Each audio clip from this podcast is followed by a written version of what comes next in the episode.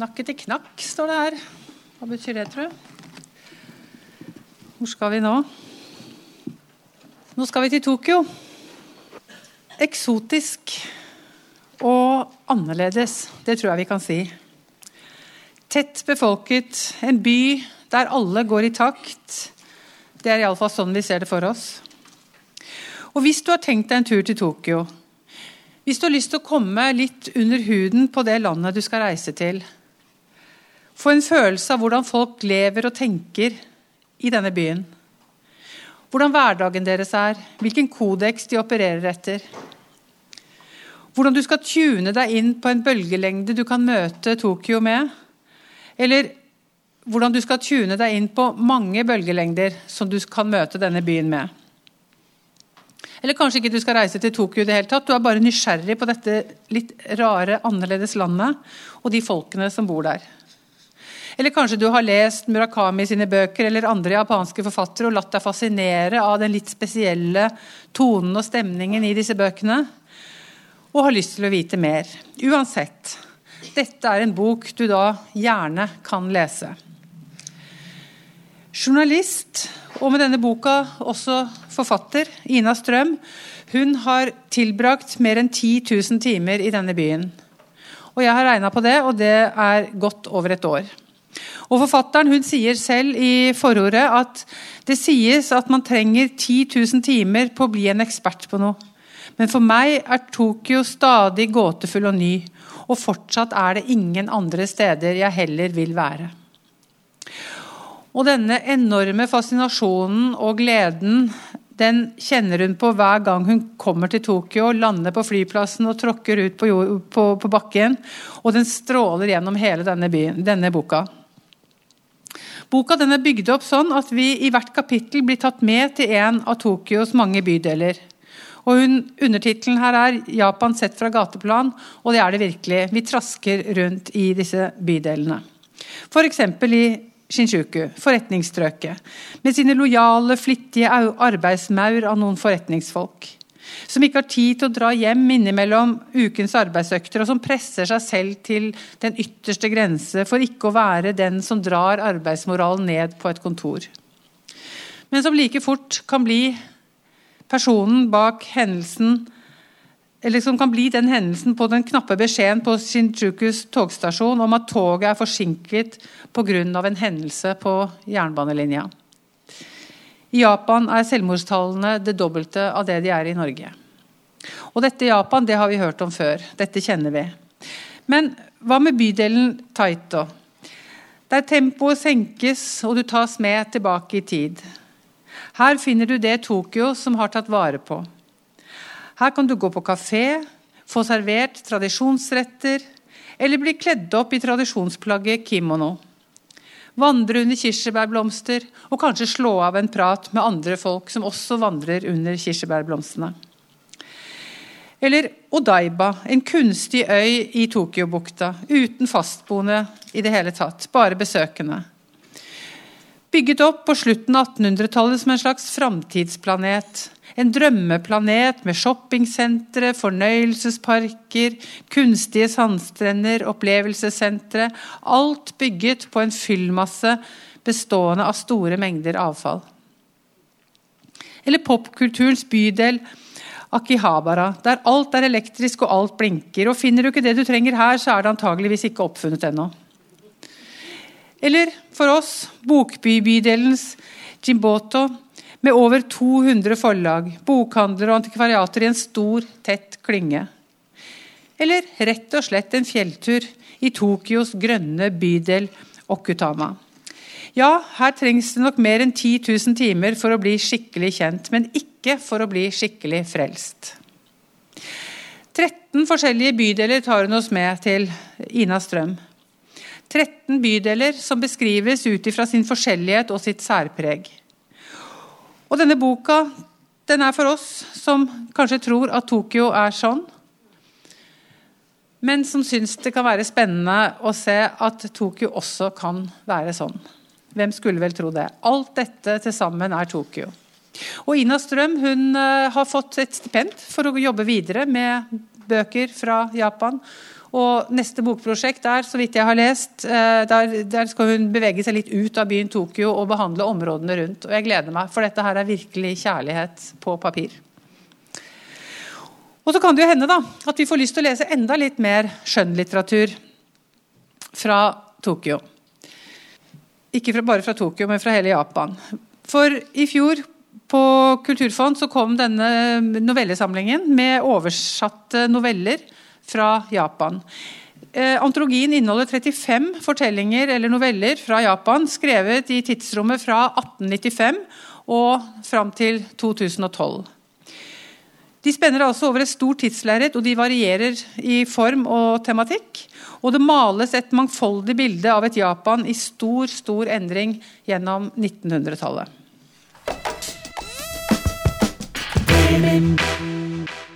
Først må jeg spørre om det er noen som har lest denne boka. Er det sant? Nå har vi vært i fire fylker. Vi har snakket til 200 bibliotekarer. Denne boka var nominert til P2-lytternes romanpris, og det er ingen som har lest den. Og det er jeg helt sikker på at det er når jeg er ferdig med å snakke om denne boka nå. Eller ikke nå, men i løpet av noen dager. For den tar ikke lang tid å lese. Den er veldig liten og tynn. Ok. Romanen 'Hvit bok, mørk vinter' leste jeg i fjor sommer på en solfylt dag, en av de aller varmeste i juli. Og det var faktisk 60 grader forskjell mellom virkelighet og fiksjon den dagen. Og avstanden var ikke mindre mellom meg og romanens hovedperson, 14 år gamle Isa, som var ute og hogget ved. Mens jeg satt på terrassen og svettet, var han ute i skogen for å skaffe brensel til Jakova, som er en liten by i Kosovo, i 30 minusgrader. Like fullt levde jeg meg inn i Isas pinsler. Både den ekstreme kulden som nærmest sprenger fingre og tær, og den ekstreme smerten som preger forholdet hans til Reza. Serbergutt kaller stefaren ham, og ingenting kjennes verre. For Isa er sønn av en serbisk soldat. 15 år etter at krigen tok slutt, så har Reza ennå ikke greid å forsone seg med dette. Og dette er kjernen i boka. Det var en av Kosovo-krigens aller siste dager. Nato bombet serbiske stillinger. Serbiske paramilitære grupper spredde seg og forsøkte noen få siste framrykkinger. Men de fleste måtte trekke seg tilbake, over åkrene, inn i skogene og videre ut i dalen. Det rådde kaos og oppløsning, og i utkanten av Jakova lå noen få murhus tett inntil åkrene, for det meste hvete. Til et av disse husene kom fire serbiske menn. De gikk rundt huset og så inn et vindu til det som måtte være stua. En mørk stue og en opplyst gang der en kvinne passerte med en liten gutt på armen. Hun forsvant opp en trapp. Så gikk det et minutt. Så gikk det, gikk det i en dør. Et vindu ble lukket, et lys ble slukket, og en kvinne ble halt ned en trapp. Hun hadde fremdeles piping i ørene etter flybombene tidligere på dagen. Soldatene kom med et siste ødeleggende fiendejag gjennom byen. Geværet fikk henge rundt skulderen. Ingen av soldatene så særlig glade ut. Framrykkingsteknikken handlet om kniv og kukk, og sæd var det siste våpenet deres. Så er det slik at Isa minner Reza om serbernes grufulle framferd i Kosovo. Om hvordan kona hans ble voldtatt mens han selv var ute i kamp. Men det skal sies at far Reza har selv deltatt på et lignende æresrush. Ingen av guttene vet om det, og far Reza selv vet ikke hvor mange kropper han har skutt inn i. Men han husker godt denne ene kroppen han var med på å trenge inn i. I skjul bak serbiske stillinger. Et framrykk før tilbaketrekking. De var ikke så langt hjemmefra. De hadde gått over brua om natta, tok sjansen på det. En nattsvart skog tok imot dem. Og skogen hadde vært kosovisk, så serbisk, nå bare en skog og der i noen av de siste angrepene på serbiske familier. Før trøtte og knekte soldater vendte hjem. Kom de over et hus med kvinner og barn, og kommandoen var enkel. Ikke drep, men voldta og sett huset i brann. Og den vesle pipelyden i skallen på far Reza da han første gang så seg selv i stesønnen Isa, uten helt å kunne se seg selv i ham. Det utviklet seg til en tinnitus bare for ham, et basskor av demoniske engler, en kiming som ranglet og omga alt i ham, og forvandlet ham til å bli en evig soldatveteran. 'Hvit bok, mørk vinter' går rett inn i den tematikken som fjorårets fredspris dreide seg om. Hvordan voldtekt gjennom mange år er blitt brukt systematisk som våpen i krig, og hvor effektivt det virker. Jeg følte at jeg måtte ta med noe her til slutt. da. At det også er en bok om kjærlighet og beskyttelse.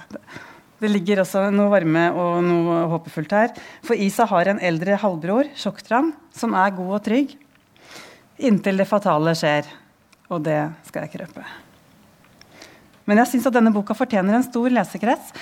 Fram til lunsj hadde vi med oss en eh, som jobber i Aschehoug undervisning, og, og, skal jobbe med norskverk til uh, videregående. Og hun spurte er det noen bok her som du ville anbefalt å ha med inn. Og da sier jeg at denne boka her, gjerne til uh, videregående skole og oppover.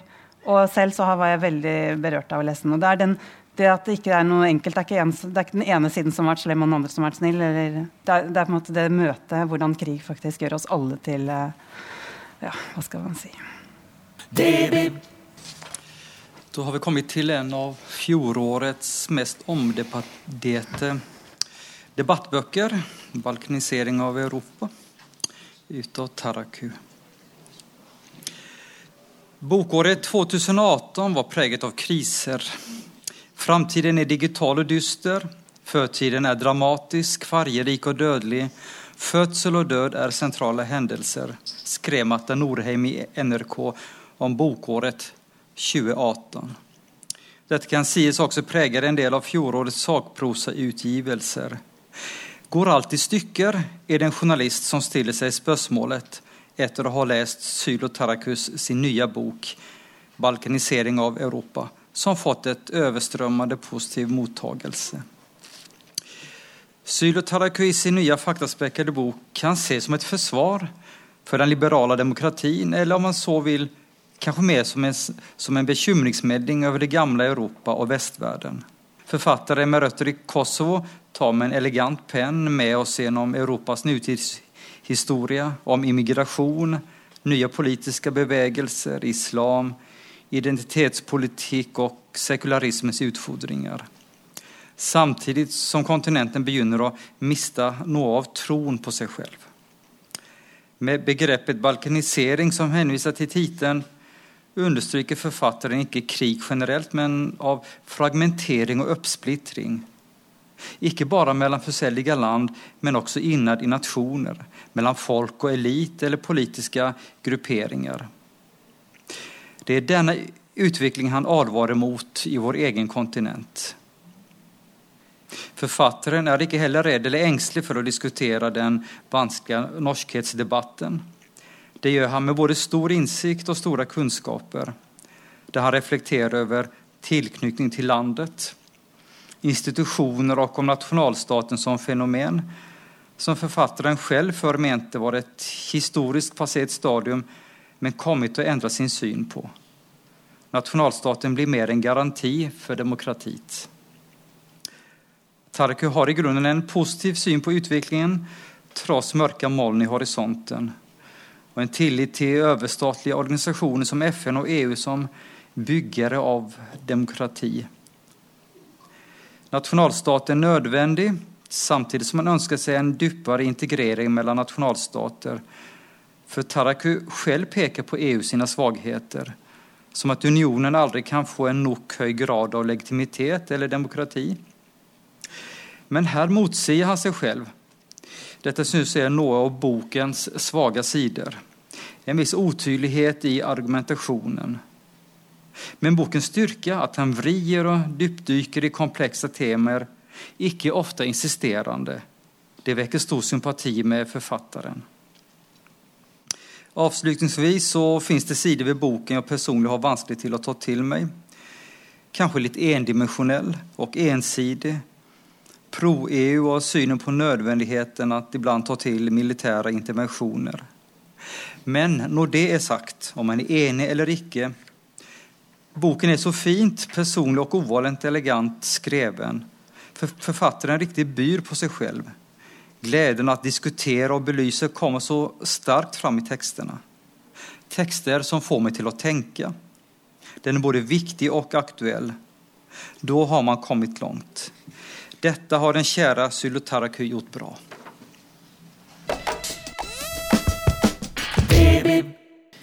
Vi nordmenn har et langvarig elsk-hat-forhold til det store landet over dammen, som har prega både verdenssituasjonen og populærkulturen i manns minne og vel så det.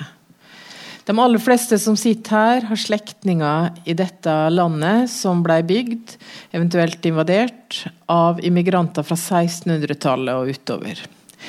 Vi føler at de er omtrent som oss amerikanerne Helt til vi begynner å snakke om dette, denne ubegripelige frihetstrangen, som regel på bekostning av behovet for trygghet. Så hva er det som har skapt frihetsbegrepet og behovet slik vi kjenner det i USA i dag? Og hva skiller det fra hva vi i Norge mener er frihet? Magnus Marsdal har gått inn i de her problemstillingene med sin egen familiehistorie som bakteppe. På Helgelandskysten bodde det to søstre. Den ene, Lina, valgte å emigrere på begynnelsen av 1900-tallet. Den andre, som ble Magnus Marsdals oldemor, ble igjen. Hva reiste Lina ifra, og hva kom hun til? Marsdal legger ikke skjul på at han er godt planta på venstresida politisk. Uansett så ligger vel majoriteten av nordmenn til venstre for det gjengse tankegodset i det amerikanske samfunnet, men det er greit å ha det avklart. Han starter med å tegne et bilde av fattige norske fiskebønder på Helgelandskysten som var avhengig av nessekongene. Fattigdommen var nærmest lovbestemt, siden forholdet mellom nessekongene og fiskebøndene var regulert i lover som gjorde fiskebøndene til gjeldsslaver. Staten var altså med på å begrense fattigfolk sin frihet gjennom å klistre dem fast i en økonomisk situasjon som ga dem lite handlingsrom. Før arbeiderbevegelsen fikk snudd skuta til der hvor vi er i dag. Veldig kort fortalt. Så her handler det altså mye om hvem som skal ta friheten fra folk, hvem staten og dermed makta er til for, og hva vi regner for rett og rimelig. Med norske briller også. For i USA ser det annerledes ut. Amerikanerne fikk aldri noen sterk arbeiderbevegelse til tross for en stor arbeiderklasse. Det er litt ulike meninger om hvorfor, og Marsdal drar oss gjennom noen alternativ. Det er interessant lesning, og jeg syns Marsdal er god når han sammenstiller det amerikanske samfunnet med det norske sosialdemokratiet, og viser hvor forskjellige prosjektene i de to landene har vært. Om man egentlig finner noen svar, gode svar på hvorfor amerikanerne har bundet seg så innmari til masta av denne friheten sin, det vet jeg ikke helt. Hans båndlinje er vel at det er kapitalismen som eier den egentlige friheten i USA. Og om det er fordi at det er de mektigste som har bestemt spillereglene, eller om immigrantene hadde en inngrodd skepsis til den sterke staten som de ofte hadde flykta fra i Europa alt fra starten av, det finner de vel egentlig ikke helt svaret på. Boka er skrevet i en personlig tone, siden det er folk og folk sine liv dette handler om. Marshall bruker flittig av sine egne erfaringer og sin egen familiehistorie for å få frem poengene sine, og det står fint sammen med de litt tyngre delene av boka. Og skulle vi nordmenn sitte altfor fornøyde igjen over vår egen fortreffelige evne til å skape fellesskapsløsninger, så heller han litt kaldt vann i årene på oss mot slutten av boka. Hjemme i Oslo har Marsdal nemlig fått seg vaskehjelp fra Romania. Selvfølgelig kvitt og ordentlig, men han finner ut at til tross for dette, så jobber hun under et regime av manglende rettigheter som vi ikke har sett her til lands på mange, mange tiår. Så hvis kollektivtanken vår skal være noe verdt, så bør vi kanskje heve blikket vårt litt grann, og se at det er stadig flere i det norske samfunnet, riktignok uten helnorske navn, som ikke får ta del i velferdsstaten til tross for at de er en del av samfunnsmaskina. Drammensbiblioteket gir deg DB-radio. Ja, nå skal vi brått til litt uh, lettere stoff i denne her uh, verden rundt uh, bolken vår. Um, ja tror jeg nevnte innledningsvis at jeg har et litt anstrengt forhold til, til sjangernevninga. Og Jeg skal også videre innrømme at jeg ikke er så veldig opptatt av hva slags bolk de forskjellige bøkene jeg presenterer i, skal høre hjemme i. Og som ikke det var nok, så kan jeg også avsløre at jeg i likskap med Linda ikke er så veldig opptatt av årstall heller. Det har seg nemlig slik at denne boka her, 'Naudsynt happy ending' av Sigrid Hersvold, kom ut i det herrens år 2017. Det er da en debutant som jeg mener fikk altfor lite merksemd. Og som jeg på kløktig vis greide å overtale resten av Bokhildebanden til å få lov til å ta med i år. Det betyr helst at jeg grein meg til det, men det er nå så. Så hva er nødsynt happy ending for noe? Formelt så er dette en kortprosasamling på rundt 160 sider, med tekster som strekker seg fra én setning til flere sider. Jeg har lyst til å driste meg til å si at alle tekstene kan leses hver for seg, men samtidig så foregår alle tekstene i samme univers. Så om dere på død og liv har lyst til å lese det her som en roman, så skal ikke jeg komme ned fra scenen og krangle med dere. Uh, boka den er i hovedsak sentrert rundt hovedpersonen Anna, som er ei ung og dagdrømmende kvinne. Bestevenninna hennes, manneeteren Gjertrud på 83 år. Og Jons, som er en blomkålentusiast som drømmer om å bli sammen med Anna. Anna på sin side drømmer helst om verden utenfor blokka si.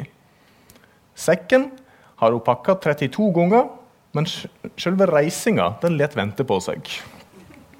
En dag, da hun aner fred og ingen fare i stua si under ullteppet sitt, så gjev taket i leiligheten hennes brått etter. Brasende ned i stua faller det et badekar med en splitter naken mann oppi. Noe som gjerne kan være forstyrrende for alle og enhver. Etter denne oppskakende opplevelsen her, bestemmer hun seg for å endelig trø ut i verden. Det er bedre å hvile øynene på verden framfor ei stove der et ødelagt badekar nå er det mest framstående møbelet, som hun sier. Og det er helst denne verdensreisa her vi som lesere får ta del i. Anna er gjennom alt fra Stryn til Katmandu, fra Boston til Venezia. Vi får være med på elefantlufting i Kiruna, vi får bli med på duppeditt-butikker på Bali, møte kryssordsnekkere fra Cork, livsvise osteprodusenter fra Kamerun, britiske grevlinger som har religiøse allmøter i skogen, og vietnamesiske fisker som er dårlige på smalltalk, blant annet. Dette er ei bok som jeg vil omtale som en vital leseroppleving.